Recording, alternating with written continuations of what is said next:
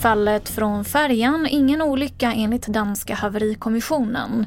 Ingen åtalad döms för mord efter att tonåring kidnappades och dödades. Och Orkneyöarna kan återgå att tillhöra Norge. TV4-nyheterna börjar med att det inte var någon olycka när en mamma och ett barn föll från en färja från Karlskrona till polska Gdynia. Det har danska haverikommissionen kommit fram till. Polska polisen har sedan tidigare meddelat att händelsen utreds som mord och åklagare har inlett en förundersökning gällande mord. Fyra personer mellan 16 och 24 år har stått åtalade misstänkta för att ha kidnappat och sedan dödat en 17-årig pojke förra sommaren. Ytterligare tre personer har varit misstänkta för annan inblandning i brotten. Och idag meddelade Nacka tingsrätt att ingen av de åtalade kan dömas för mordet eftersom de inte kan knytas till mordplatsen.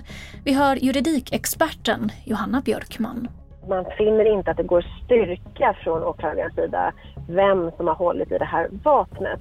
Däremot så är det så att det, flera av de här personerna som har varit åtalade för det man brukar prata om ett utvidgat gärningsmannaskap, det vill säga att man ska ha gjort vissa delar på vägen mot då det som sen blir ett mord. Ja, där, är det flera som döms för, vad kan man säga, lite delaktighet eller olika moment i det som åklagarna har påstått att de har gjort. Och därför blir det också ganska långa fängelsestraff. Men det är ingen som döms för själva mordet, det ska vi säga. En äldre man har förts till sjukhus efter att han föll i vattnet från en båt i Borås. De andra personerna som befann sig i båten ska ha fått upp mannen och givit honom livräddande åtgärder.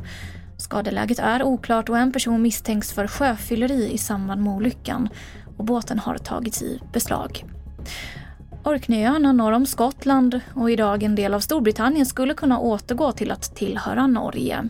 Detta enligt en motion som lämnats in till det regionala styret på ögruppen som var en del av Norge och Danmark under 600 år. Och på ön finns ett missnöje med svag finansiering från fastlandet. Det här var det senaste från TV4 Nyheterna. Jag heter Emily Olsson.